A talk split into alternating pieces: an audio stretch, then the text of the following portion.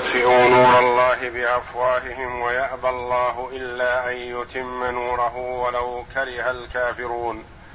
هو الذي ارسل رسوله بالهدى ودين الحق ليظهره على الدين كله ولو كره المشركون. يريدون ان يطفئوا نور الله بافواههم. من هم الذين يريدون ذلك؟ من تقدم ذكرهم في قوله جل وعلا وقالت اليهود عزير بن الله وقالت النصارى المسيح ابن الله. الذين هم اليهود والنصارى. أن يطفئوا نور الله بأفواههم ما المراد بنور الله؟ هنا. ما جاء به محمد صلى الله عليه وسلم من القرآن والإسلام. ويأبى الله إلا أن يتم نوره. يأبى.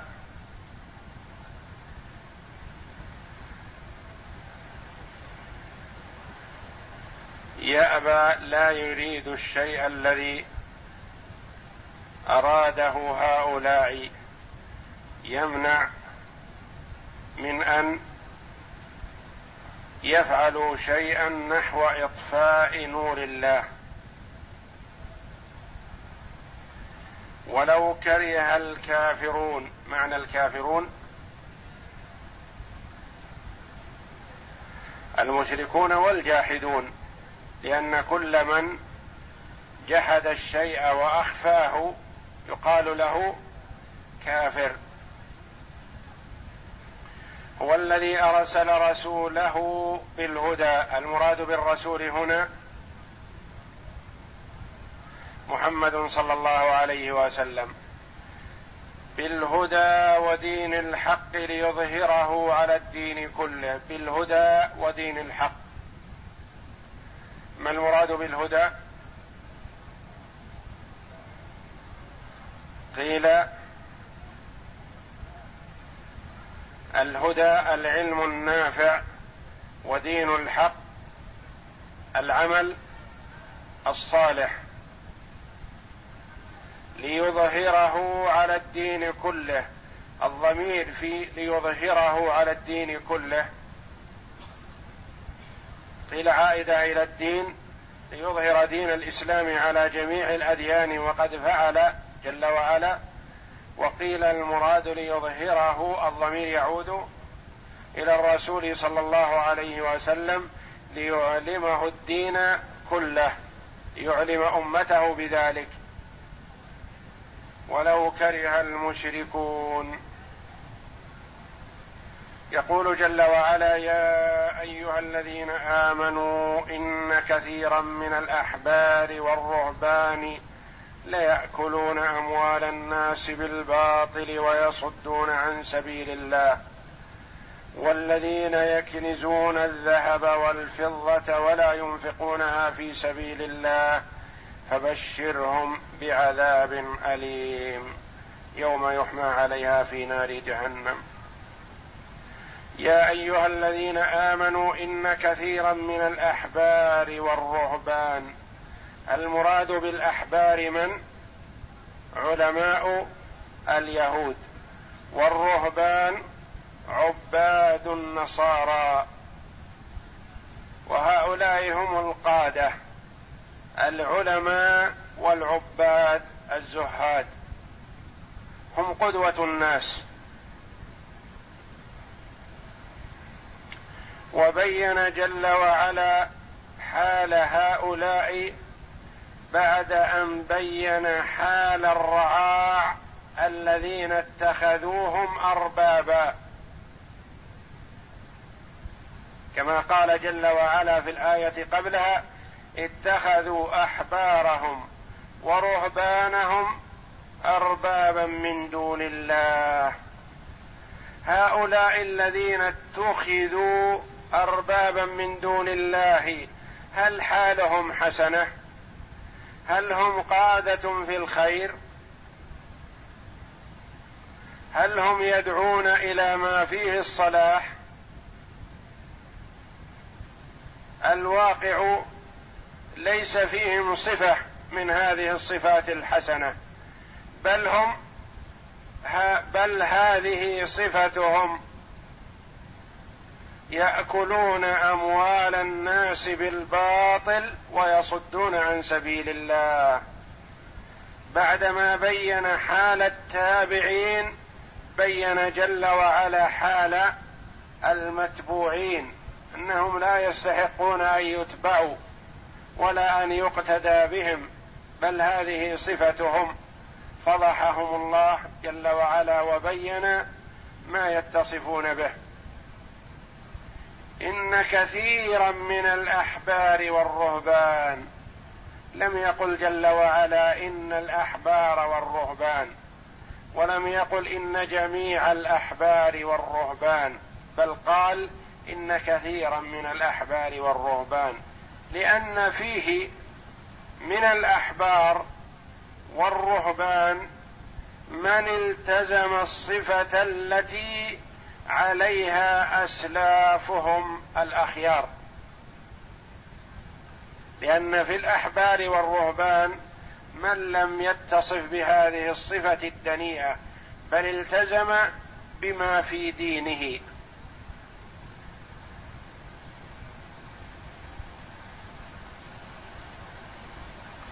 إن كثيرا من الأحبار والرهبان ليأكلون أموال الناس بالباطل. يأكلونها بالباطل. يأكلون أموال الناس. هل هو يأخذ الدراهم ويأكلها؟ يقضم الدراهم والدنانير. وما يعطى من الأمتعة؟ لا. وإنما يأخذها لنفسه. وقد يشتري ببعضها ما يأكله وبعضها يبقيه خلف ظهره. وعبر جل وعلا بالأكل لإظهار بشاعة صفتهم. إظهار البشاعة. أنهم يأخذون ليدخلوا أجوافهم ليأكلوا. يأكلون ليأكلون أموال الناس بالباطل. بالباطل الذي هو خلاف الحق. فهم يأكلون ليأخذون الأموال بغير حق. يأخذونها عن طريق الرشوة. يأخذونها ليفتوا الفتوى المناسبة لحال السائل. إذا أعطوه إذا أعطاهم السائل شيئا تلطفوا به في الفتوى. وإذا لم يعطهم شيئا شددوا عليه. لأنهم لا يفتون بما في كتب الله جل وعلا وإنما يفتون على حسب أهوائهم وميولهم. كما قال جل وعلا وويل للذين يكتبون الكتاب بايديهم ثم يقولون هذا من عند الله. ليشتروا به ثمنا قليلا فويل لهم مما كتبت ايديهم وويل لهم مما يكسبون. فهم ياكلون اموال الناس بالباطل عن طريق الرشوه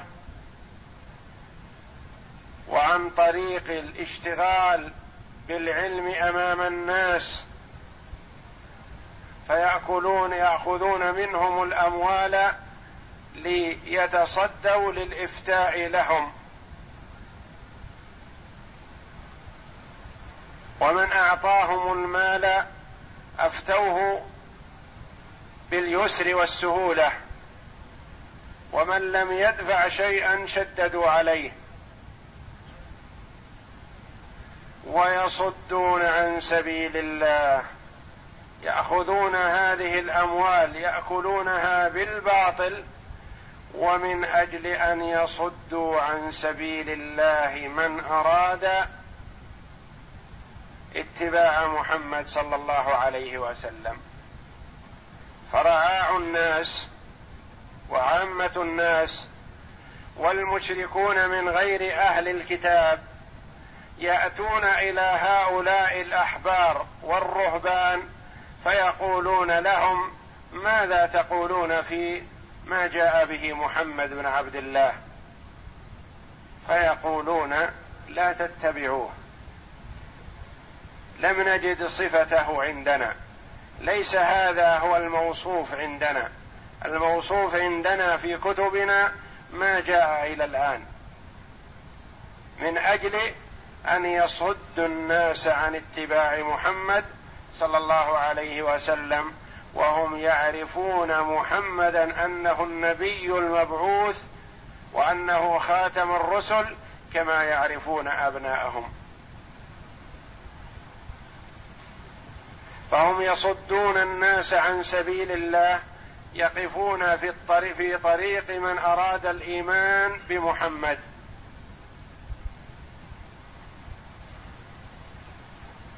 ويصدون عن سبيل الله والذين يكنزون الذهب والفضة ولا ينفقونها في سبيل الله فبشرهم بعذاب أليم.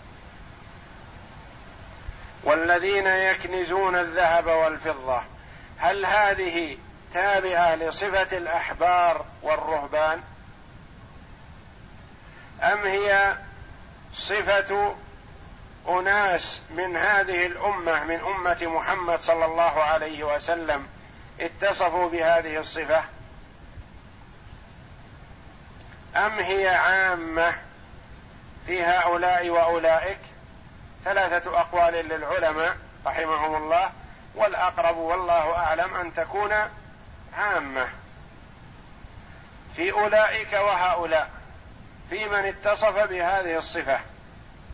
والذين يكنزون الذهب والفضة ولا ينفقونها في سبيل الله. يقول معاوية رضي الله عنه هذه في أهل الكتاب. ويقول أبو ذر هذه في هذه الأمة. فينا وفيهم. كما روي عنه رضي الله عنه. في من اتصف بهذه الصفة من هذه الأمة ومن السابقين قبلنا.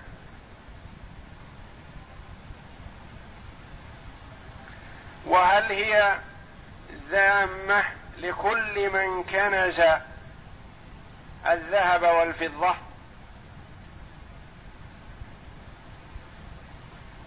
أو من كنز زائدا عن الحاجة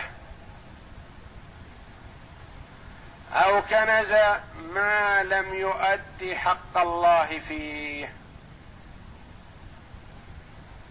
والذين يكنزون الذهب والفضة ولا ينفقونها في سبيل الله فبشرهم بعذاب أليم. لما نزلت هذه الآية شقت على أصحاب رسول الله صلى الله عليه وسلم. وقالوا في أنفسهم يحب أحدنا أن يدخر شيئا لولده. فماذا ندخر؟ ماذا ما دام الله جل وعلا نهى عن اكتناز الذهب والفضة؟ فقال عمر بن الخطاب رضي الله عنه أنا أكفيكم ذلك. فذهب إلى النبي صلى الله عليه وسلم فقال يا رسول الله لقد شقت هذه الآية على أصحابك.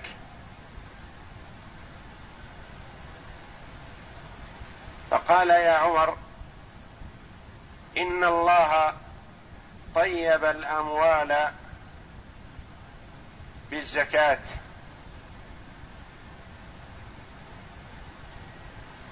وإن الله جل وعلا شرع الميراث.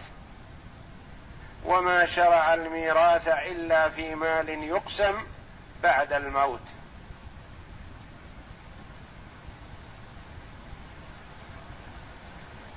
فكبر عمر رضي الله عنه سرورا وفرحا بهذا التفسير. وهكذا يستحب لكل من أخبر بخبر سار أو سمع ما يسره أن يكبر الله ويحمده أو يسبحه.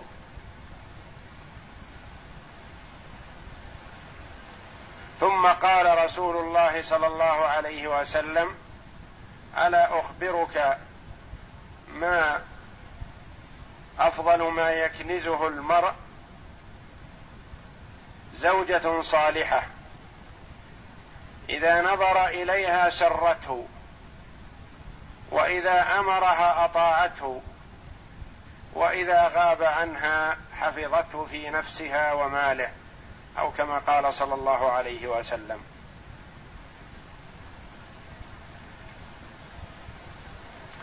وفي بعض الأحاديث ألا أخبرك بأفضل ما يكنزه المرء؟ لسانا ذاكرا وقلبا شاكرا وزوجة تعينه على الحق.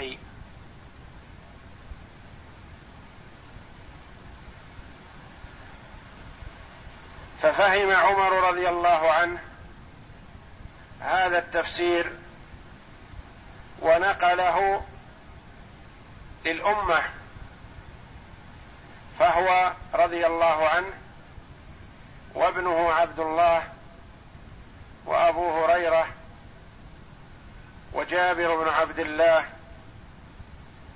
وعمر بن عبد وعمر بن عبد العزيز من التابعين وجمع من الصحابة والتابعين يرون أن المال إذا أديت زكاته فليس بكنز.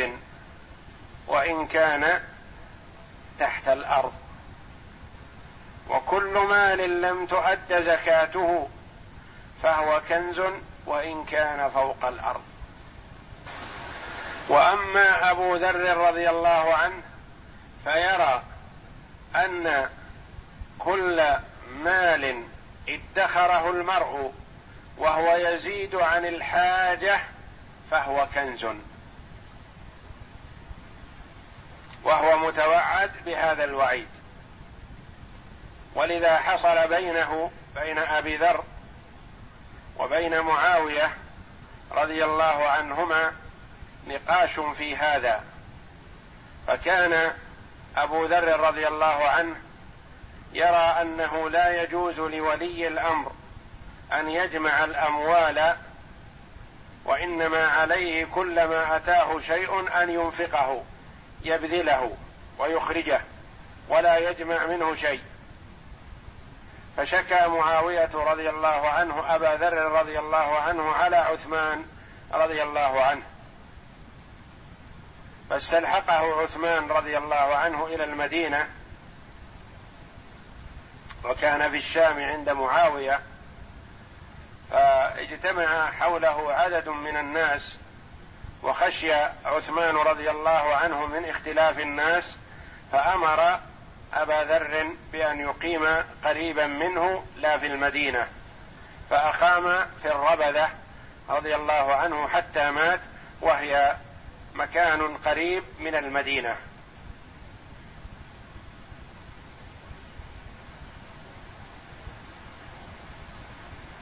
فأبو ذر رضي الله عنه يرى أنه لا يجوز جمع الأموال فيما زاد عن الحاجة.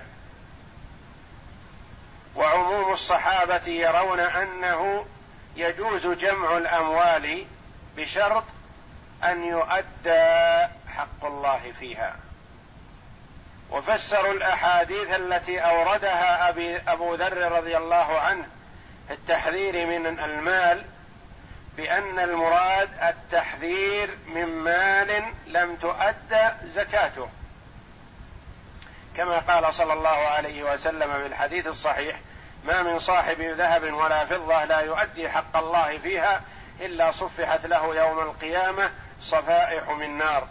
يكوى بها جبينه وجنبه وظهره في كلما بردت أعيدت عليه كلما بردت أعيدت كما كانت في يوم كان مقداره آه، خمسون ألف سنة حتى يقضي الله بين العباد فيرى سبيله إما إلى الجنة وإما إلى النار. أو كما قال صلى الله عليه وسلم. فالرسول عليه الصلاة والسلام قال لا يؤدي حق الله فيه. فمعناه أنه إذا أدى حق الله فقد برئ من شره. وكما ورد في أحاديث كثيرة أن الزكاة تطيب المال.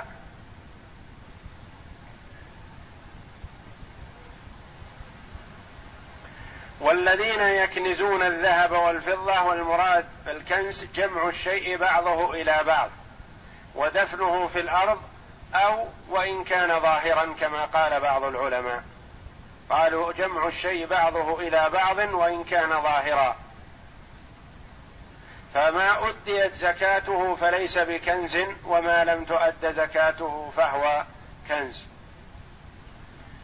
ولا ينفقونها الضمير في ينفقونها يعود إلى ماذا؟ إلى شيئين سابقين وهما الذهب والفضة. وأعاد الضمير ينفقونها ولم يقل ولم ولا ينفقونها ولا ينفقونهما في سبيل الله. لما؟ قيل ولا ينفقونها عائد إلى مفهوم الكنز يعني هذه المكنوزة أو إلى مفهوم الأموال ولا ينفقون هذه الأموال أو ينفقونها الفضة لأنها هي الغالب والكثيره بأيدي الناس. وهذا يرد كثير كما في قوله جل وعلا وإذا رأوا تجاره أو لهوا انفضوا إليها. لأن مقصودهم التجارة ولم ينفضوا للهو. فهنا الغالب هو الفضة المتداولة الكثيرة بأيدي الناس فعاد الضمير إليها لأنها الأعم الأكثر. ولا ينفقونها في سبيل الله. المراد بسبيل الله هنا في وجوه البر وما يحبه الله جل وعلا. فبشرهم بعذاب أليم. فبشرهم بشرهم محلها من الإعراب.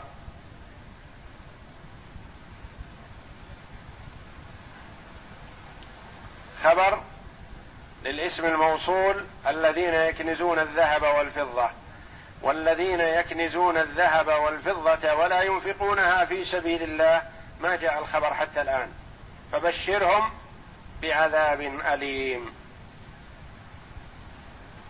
وبشرهم أخبرهم خبرا سار ليس بسار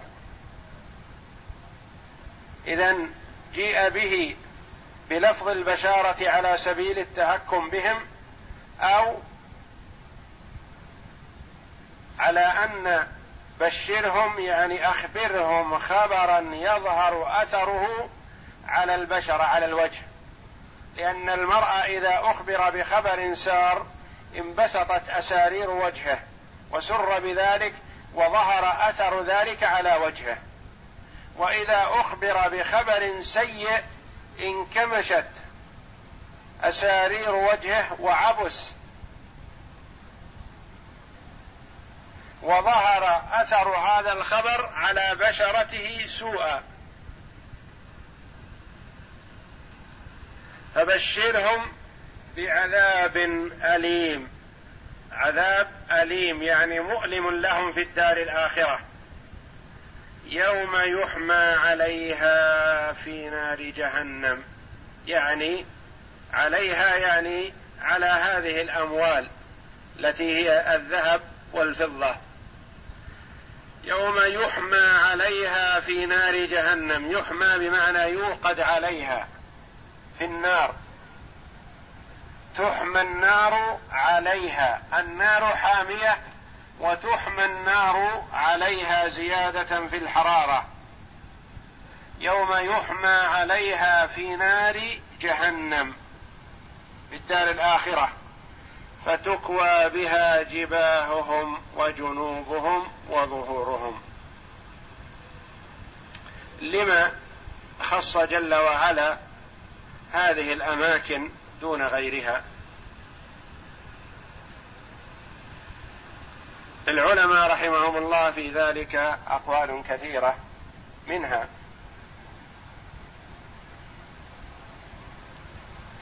أن الوجوه الجباه فيها الكثير من الحواس في الرأس والوجه. والظهر هو عماد قوام الإنسان وقيامه وتحركه وعمله. والجنبين فيهما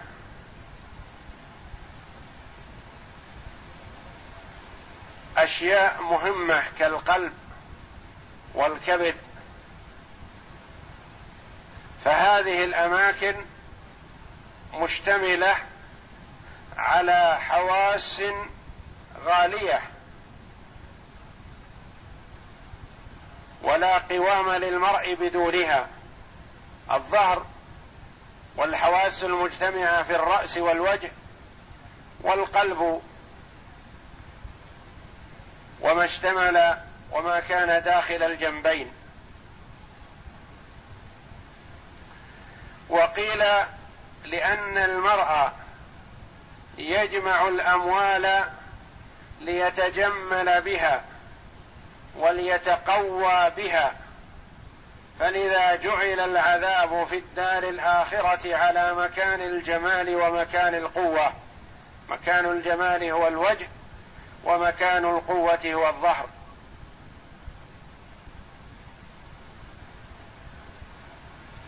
ويجمعها ليأكلها.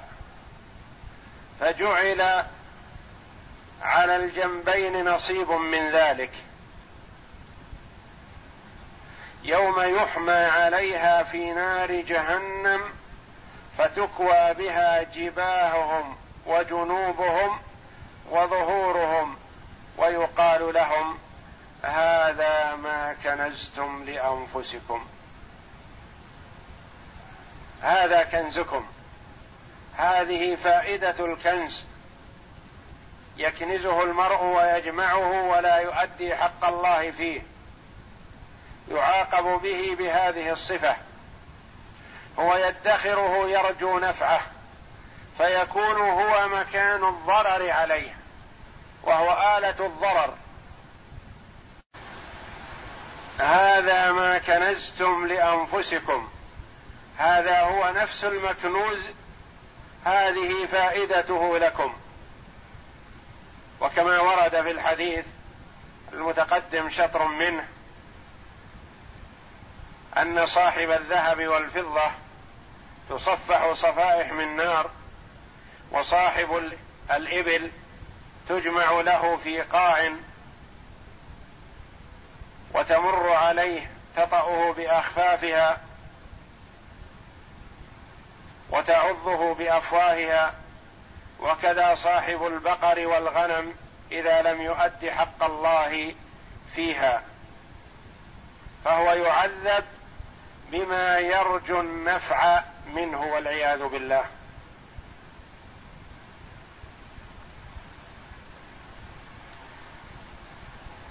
هذا ما كنزتم لأنفسكم. هذا كنزكم حضر الآن. هذه فائدته لكم وهذه ثمرته. هذا ما كنزتم لأنفسكم فذوقوا ما كنتم تكنزون. ذوقوه الآن. ولم يقل جل وعلا عذاب ما كنتم تكنزون. ذوقوا نفس الكنز هذا هو. كلوها الآن وتمتعوا به. هذا ما جمعتم وفر لكم فخذوه الآن. كما قال الله جل وعلا تبت يدا أبي لهب وتب ما أغنى عنه ماله وما كسب سيصلى نارا ذات لهب وامرأته حمالة الحطب. امرأته التي كانت تساعده على أذى المصطفى صلى الله عليه وسلم صارت في نار جهنم تحمل الحطب زيادة في تعذيبه وترمي عليه بأمر الله وتسخيره. هي نفسها في نار جهنم تزيد في تعذيبه والعياذ بالله. هذا ما كنزتم لأنفسكم فذوقوا ما كنتم تكنزون. ما هنا؟ يصح أن تكون مصدرية ويصح أن تكون موصولة. ذوقوا الذي كنتم تكنزون أو ذوقوا كنزكم. وفي هاتين الآيتين تحذير لثلاثة أصناف من الناس. تحذير لثلاثة أصناف من الناس. هم غالبا قادة الناس. إن استقاموا على الحق فلهم السعادة في الدنيا والآخرة. وإن حادوا عن الصراط المستقيم فهم أشد الناس عذابا يوم القيامة. من هم؟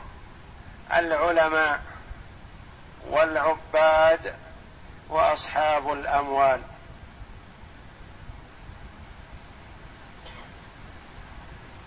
وكما قال سفيان بن عيينة رحمه الله من فسد من علمائنا ففيه شبه من اليهود. ومن فسد من عبادنا ففيه شبه من النصارى. ففي هاتين الآيتين تحذير لهؤلاء من الناس. لا يحيد عن الصراط المستقيم. العلماء والعباد وأصحاب الأموال. عليهم تقوى الله جل وعلا. فإن اتقوا الله جل وعلا واستعملوا ما أعطاهم الله جل وعلا في طاعة الله ورضوانه والدعوة إلى الله وإلى سبيله بالحكمة والموعظة الحسنة واستعمال الأموال فيما يرضي الله سعدوا في الدنيا والآخرة. وإن استعملوا ما أعطاهم الله من العلم والجاه والمال في الصد عن سبيل الله والإعراض عن طاعته وصرف الناس عما يرضي الله جل وعلا فالويل لهم في الدنيا والآخرة. الله أعوذ بالله من الشيطان الرجيم. يا أيها الذين آمنوا إن كثيرا من الأحبار والرهبان ليأكلون ليأكلون أموال الناس بالباطل ويصدون عن سبيل الله والذين يكنزون الذهب والفضة ولا ينفقونها في سبيل الله فبشرهم بعذاب أليم. يوم يحمى عليها في نار جهنم فتكوى بها جباههم وجنوبهم وزهورهم هذا ما كنزتم لأنفسكم فذوقوا ما كنتم تكنزون. قال العماد بن كثير رحمه الله تعالى قال السدي قال السدي الأحبار من اليهود والرهبان من النصارى وهو كما قال فإن أحبارهم فإن الأحبار هم علماء اليهود كما قال تعالى لولا ينهاهم الربانيون والأحبار من قولهم الإثم وأكلهم السهر والرهبان عباد النسارى والقسيسون علماؤهم. كما قال تعالى ذلك بأن منهم قسيسين ورهبانا. والمقصود النصارى. ذلك بأن منهم أي من النصارى. وإذا سمعوا ما أنزل إلى الرسول ترى أعينهم تفيض من الدمع حزنا مما عرفوا من الحق. والمقصود التحذير من علماء السوء وعباد من علماء السوء وعباد الدلال كما قال سفيان بن عيينة رحمه الله من فسد من علمائنا كان فيه شبه من اليهود ومن فسد من عبادنا كان فيه شبه من النصارى. وفي الحديث الصحيح لتركبن سنن من كان قبلكم حزو القزة بالقزة. قالوا أي سيوجد من علمائنا من يشابه اليهود. وسيوجد من عبادنا من يشابه النصارى. قالوا اليهود والنصارى قال فمن؟ وفي رواية فارس والروم قال فمن الناس فمن الناس, إلا هؤلاء. والحاصل التحذير من التشبه بهم في أقوالهم وأحوالهم.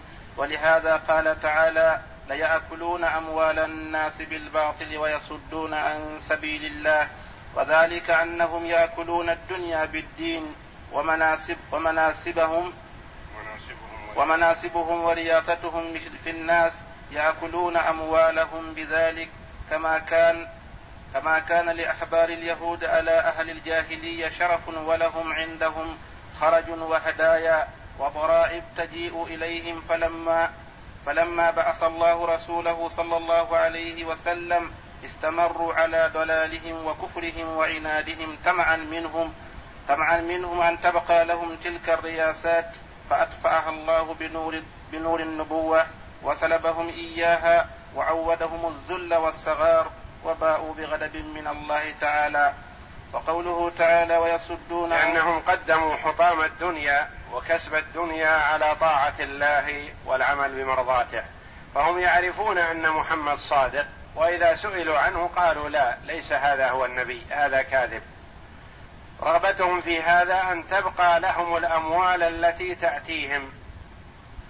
فعوضهم الله جل وعلا بدل الرئاسة الذلة والمهانة والاحتقار. ويصدون عن سبيل الله أي وهم مع أكلهم الحرام يصدون الناس عن اتباع الحق. ويلبسون الحق بالباطل ويظهرون لمن اتبعهم من الجهلة أنهم يدعون إلى الخير وليسوا كما يزعمون بل هم دعاة إلى النار ويوم القيامة لا ينصرون.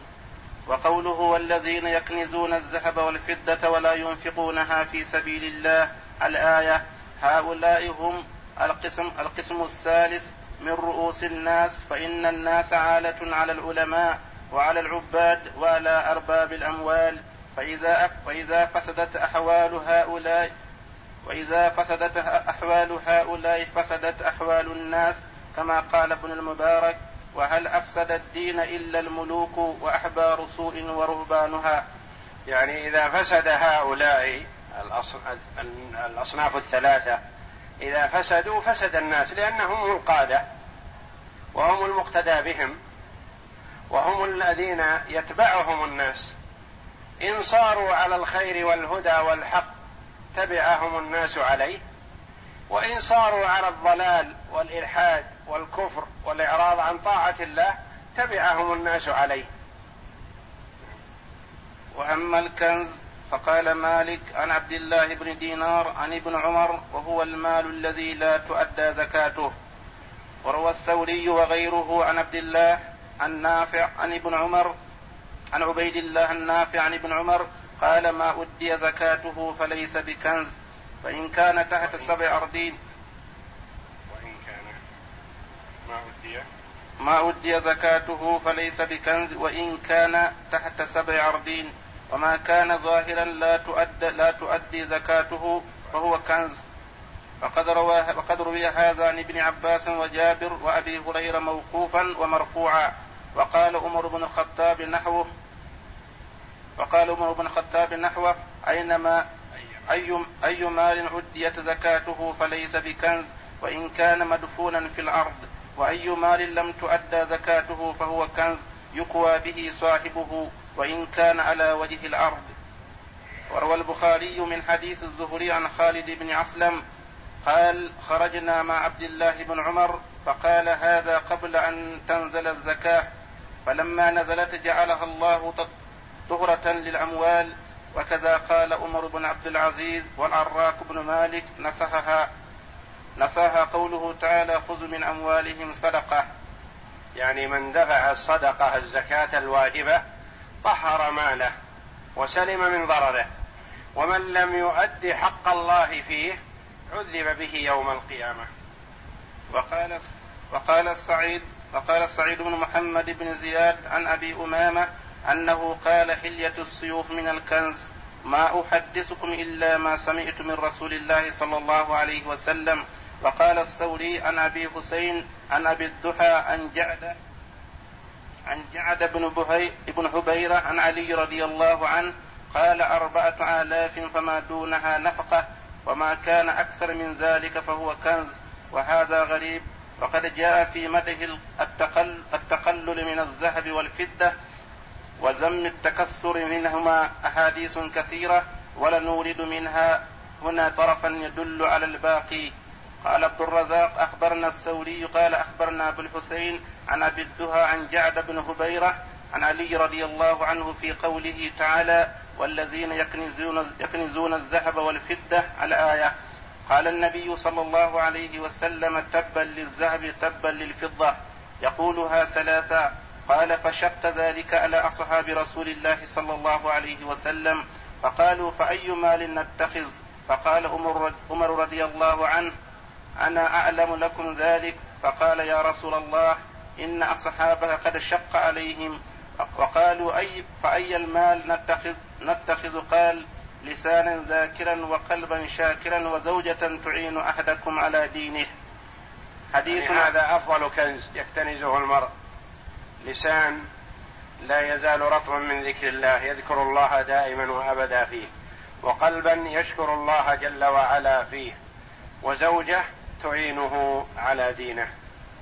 حديث آخر قال الإمام أحمد حدثنا عبد الله بن عمرو بن مرة عن أبي محمد بن جعفر قال حدثنا شعبة قال حدثني سالم ابن عبد الله قال أخبرنا عبد الله بن أبي عبد الله بن أبي هذيل قال حدثني صاحب صاحب لي أن رسول الله صلى الله عليه وسلم قال تبا للذهب والفضة قال وحدثني صاحبي أنه انطلق مع عمر بن الخطاب رضي الله عنه فقال يا رسول الله قولك تبا للذهب والفضة فماذا ندخر قال رسول الله صلى الله عليه وسلم لسانا ذاكرا وقلبا شاكرا وزوجة تعين على الآخرة. حديث آخر. قال الإمام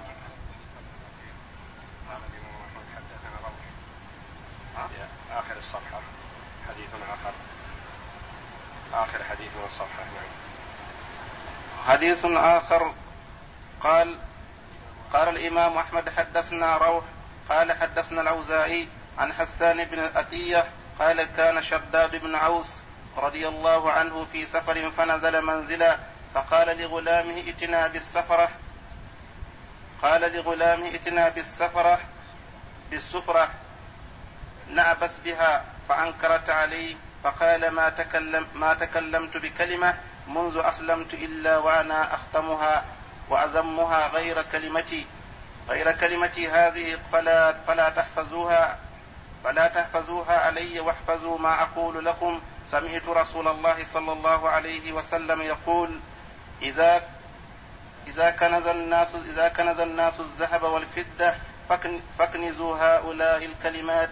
اللهم إني أسألك الثبات في الأمر والعزيمة على الرشد وأسألك شكر نعمتك شكر نعمتك وأسألك حسن عبادتك. وأسألك قلبا سليما وأسألك لسانا صادقا وأسألك من خير ما تعلم وأعوذ بك من شر ما تعلم وأستغفرك لما تعلم إنك أنت علام الغيوب.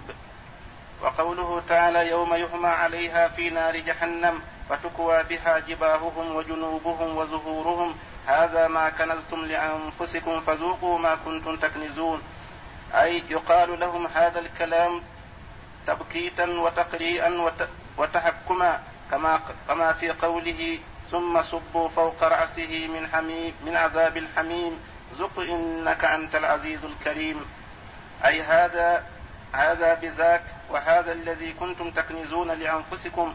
ولهذا يقال من أحب شيئا وقدمه على طاعة الله عذب به. وهؤلاء لما كان لما كان جمع هذه الأموال آثر عندهم من رضا الله عنهم عذبوا بها كما كان أبو لهب لعنه الله جاهدا في عداوته في عداوة رسول الله صلى الله عليه وسلم وامرأته تعينه في ذلك.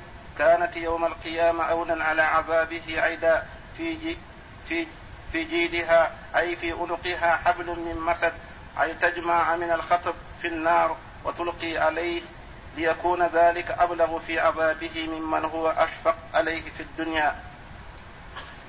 كما أن هذه الأموال لما كانت أعز الأشياء على أربابها كانت أضر الأشياء عليهم في الدار الآخرة فيهمى عليها في نار جهنم وناهيك بحرها فت... وناهيك بحرها فتكوى وناهيك بحرها. نعم. وناهيك بحرها فتكوى بها جباههم وجنوبهم وزهورهم. قال سفيان عن الأعمش عن عبد الله بن عمرو بن مرة عن مسروق عن عبد الله بن مسعود رضي الله عنه والذي لا إله غيره لا يكوى عبد يكنز فيم فيمس دينار. دينارا. فيمس دينارا بدينار. يعني لا يجعل دينار فوق دينار. وإنما يوسع ظهره حتى يكون على قدر ما عنده من الدنانير بحيث أن كل دينار يعذب به يجد حرارته. لا يكون بعضها فوق بعض وإنما كل واحد بجوار الآخر.